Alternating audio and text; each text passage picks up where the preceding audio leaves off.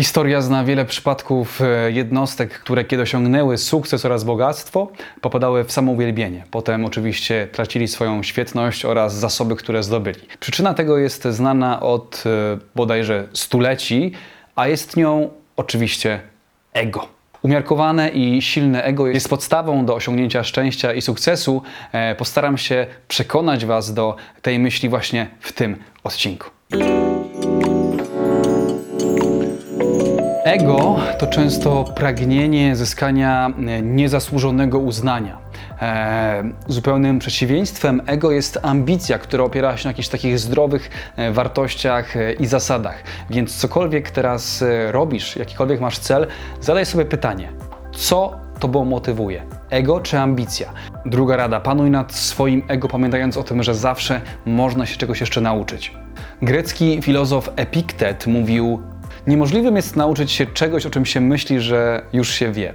E, Tak naprawdę pielęgnacja tego, że jeszcze cały czas mamy bardzo dużo do nauki, mamy cały czas jeszcze duży zasób wiedzy do przyswojenia, sprawia, że nie czujemy się już ultra pro w swojej dziedzinie i nie ma już nic wyżej poza nami. To jest podstawa do ciągłego rozwoju, do bycia e, coraz lepszym. To poczucie, że już jestem swoim maksimum, sprawia, że w końcu siadamy na laurach, a finalnie jesteśmy coraz słabszą wersją e, samych siebie. Wyobraźcie sobie, że Kirk Hammett, po tym jak został zaproszony do bycia członkiem zespołu Metallica, nie zachłysnął się tym, że jego wielki talent został doceniony. Wręcz przeciwnie. Zaczął brać lekcje gitary, aby jeszcze bardziej poprawić swój warsztat. To jest właśnie ten poziom ego, do którego powinniśmy dążyć. Kolejna sprawa to jest to, że duma czyni nas głuchym na ostrzeżenia i ślepymi na to, co jeszcze można zrobić. Pomyślmy o tym, co by było, gdyby Steve Jobs stwierdził, że ten pierwszy komputer Apple'a to już jest to, to jest maksimum, co jest w stanie osiągnąć i po prostu spocząłby na laurach. Nigdy słynny iPhone by, by nie powstał to przez tę dumę, która nie jest rodzima z ego, ale często idzie z nim w parze, e, mamy często takie poczucie, że po pierwszym sukcesie to już jest to, e, co chcieliśmy i dalej już nic nie musimy robić. Pielęgnujmy to, że każdy sukces e, niesie za sobą mm, kolejną nieodkrytą drogę do rozwoju, do kolejnego sukcesu, do kolejnego osiągnięcia, e, bo nasze życie to jest ciągły ruch. E, Nieważne na jakim etapie teraz jesteś, jeśli zatrzymasz się e, na pewnym już sukcesie, mniejszym, większym, to zobaczysz, że to powoduje wielkie nieszczęście. Człowiek jest tak stworzony, on musi być w jakimś ruchu, do czegoś musi dążyć, musi ku czemuś e, jego życie e, również być kierowane.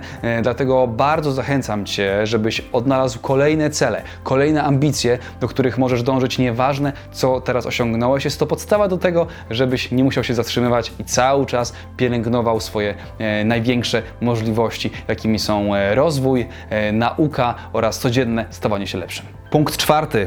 Utrzymasz w szachu swoje ego, jeżeli nauczysz się delegować jakieś zadania na zewnątrz.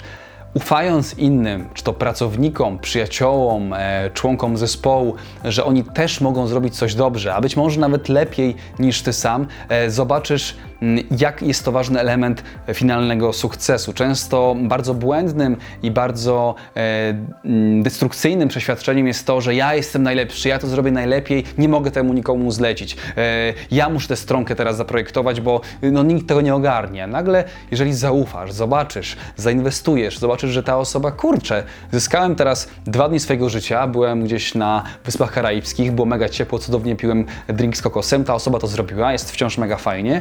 E, zobaczysz, jak to poczucie, że są ludzie dookoła ciebie, którzy mogą ci pomóc, e, sprawi, że poczujesz się o wiele lepiej, bo to nie ego będzie tobą e, miotało, to nie ego będzie decydowało o twoich działaniach, ale wprost przeciwnie, bardziej empatia oraz mm, przeświadczenie, że inny człowiek jest też wartościowy. To jest ogromna zmiana e, w tworzeniu wielkich projektów oraz w finałowym sukcesie każdego z zadań, z którym, z którym walczysz. Kolejna rzecz. Wiele z naszych sukcesów nie jest tylko i wyłącznie naszą zasługą, ale być może większa ilość ludzi maczała w tym palce i im również e, należy dostarczyć taką e, pochwałę. Pamiętajmy o tym, że każda pochwała, która z naszych ust wyjdzie, wkrótce do nas wróci. E, ludzie pożywieni takim e, pozytywnym komunikatem zaczynają podświadomie nam dziękować, są bardziej ufni e, i również podświadomie zaczynają tę energię do nas wysyłać. Także pamiętajcie o tym i zwracajcie uwagę, czy to, co osiągniecie, znowu, czy to jest mały sukces, średni czy duży, czy komuś jeszcze oprócz Was można przypisać e, jakąś pochwałę, zasługę? Jeśli tak, to od razu to, to róbcie, a daję słowo, że na pewno to do Was wróci. I ostatni punkt.